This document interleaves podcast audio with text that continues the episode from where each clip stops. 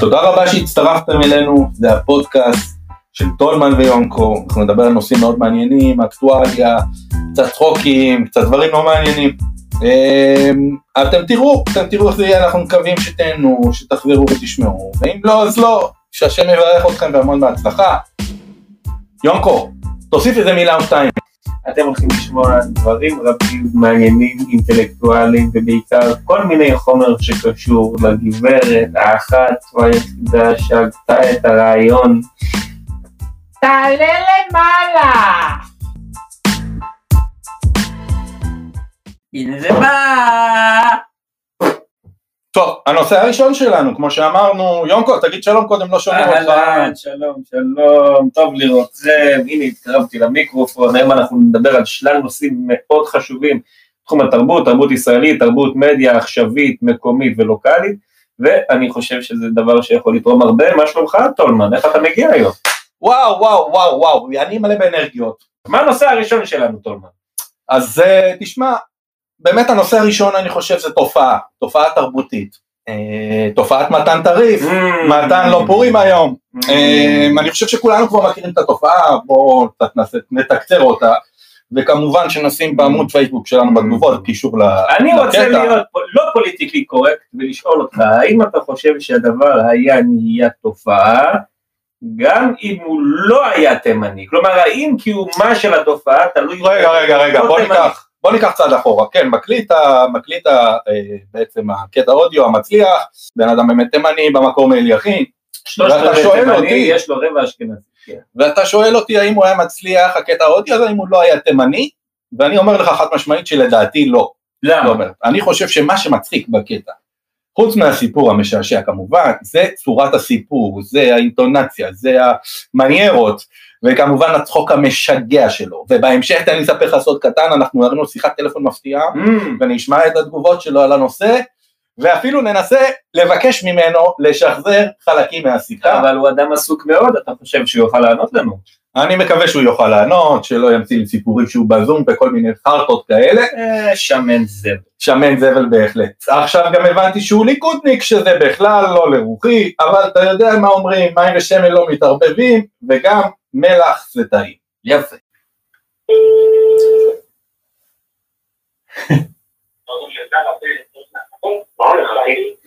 מה שלומך?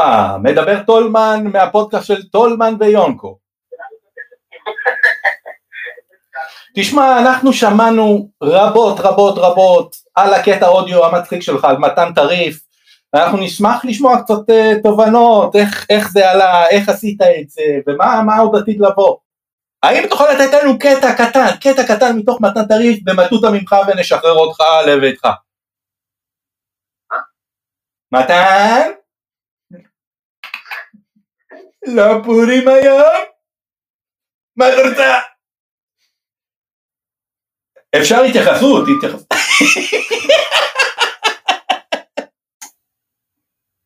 תעלה למעלה! טוב, אז הנושא הבא שלנו הוא באמת אה, תופעה תרבותית, אה, פוליטית, דמוגרפית, גיאוגרפית שקורית בשנים האחרונות, וזה באמת אה, אזרחים ישראלים ממוצא מזרחי, שבעצם מקבלים, משיגים דרכון פורטוגלי, מעתיקים את חייהם, עוברים לפורטוגל.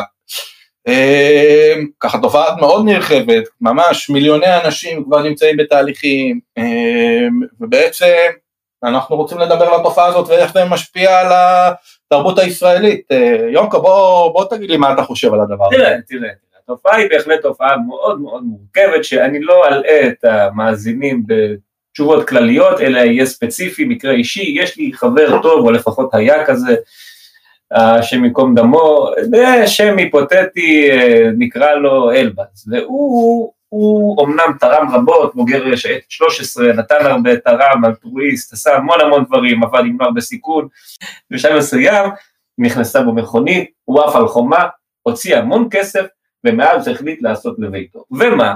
התחיל לטייל בעולם, עד כאן הכל טוב. יום אחד החליט להעתיק את מקום מגוריו לפורטוגל.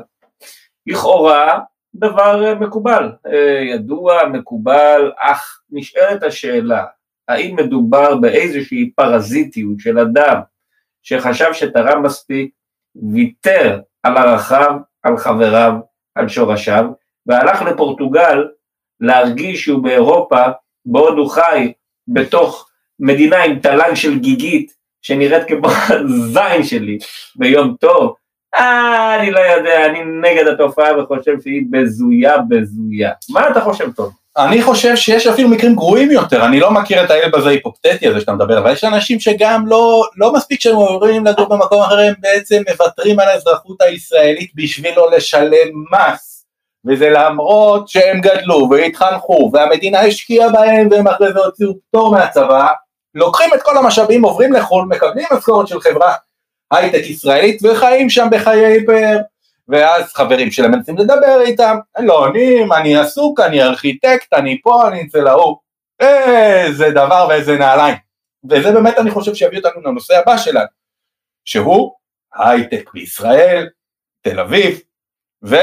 קווים לדמותו, קווים לדמותו. קווים לדמותו, ואני חושב ככה, אם להיות יותר ספציפיים, אמ, אז באמת אנחנו נדבר על, ה, על השפה שנוצרה סביב הייטק. כן. יש את המערכונים בארץ נהדרת, כמובן הייטק, שמייטקס, אבל בוא נדבר קצת על המציאות של ההייטק, איך האנשים מדברים, איך הם מתנהלים, איך הם חיים בתוך הדבר הזה, איזה מין עולם לשוני נוצר לנו סביב זה.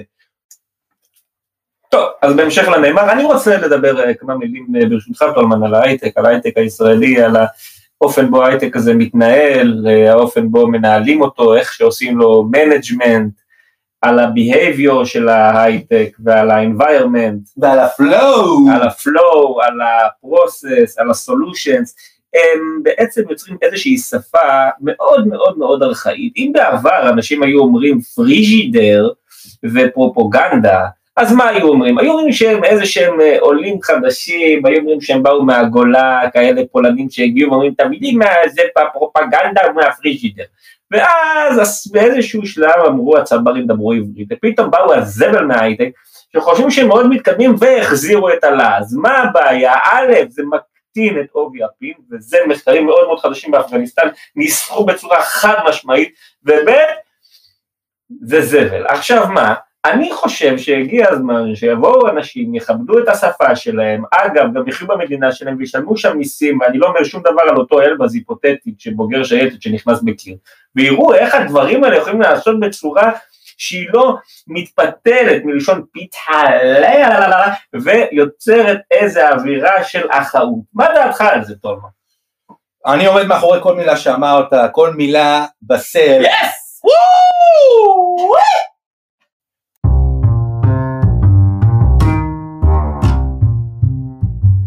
תודה רבה שהצטרפתם אלינו היום, זה היה השידור הראשון שלנו.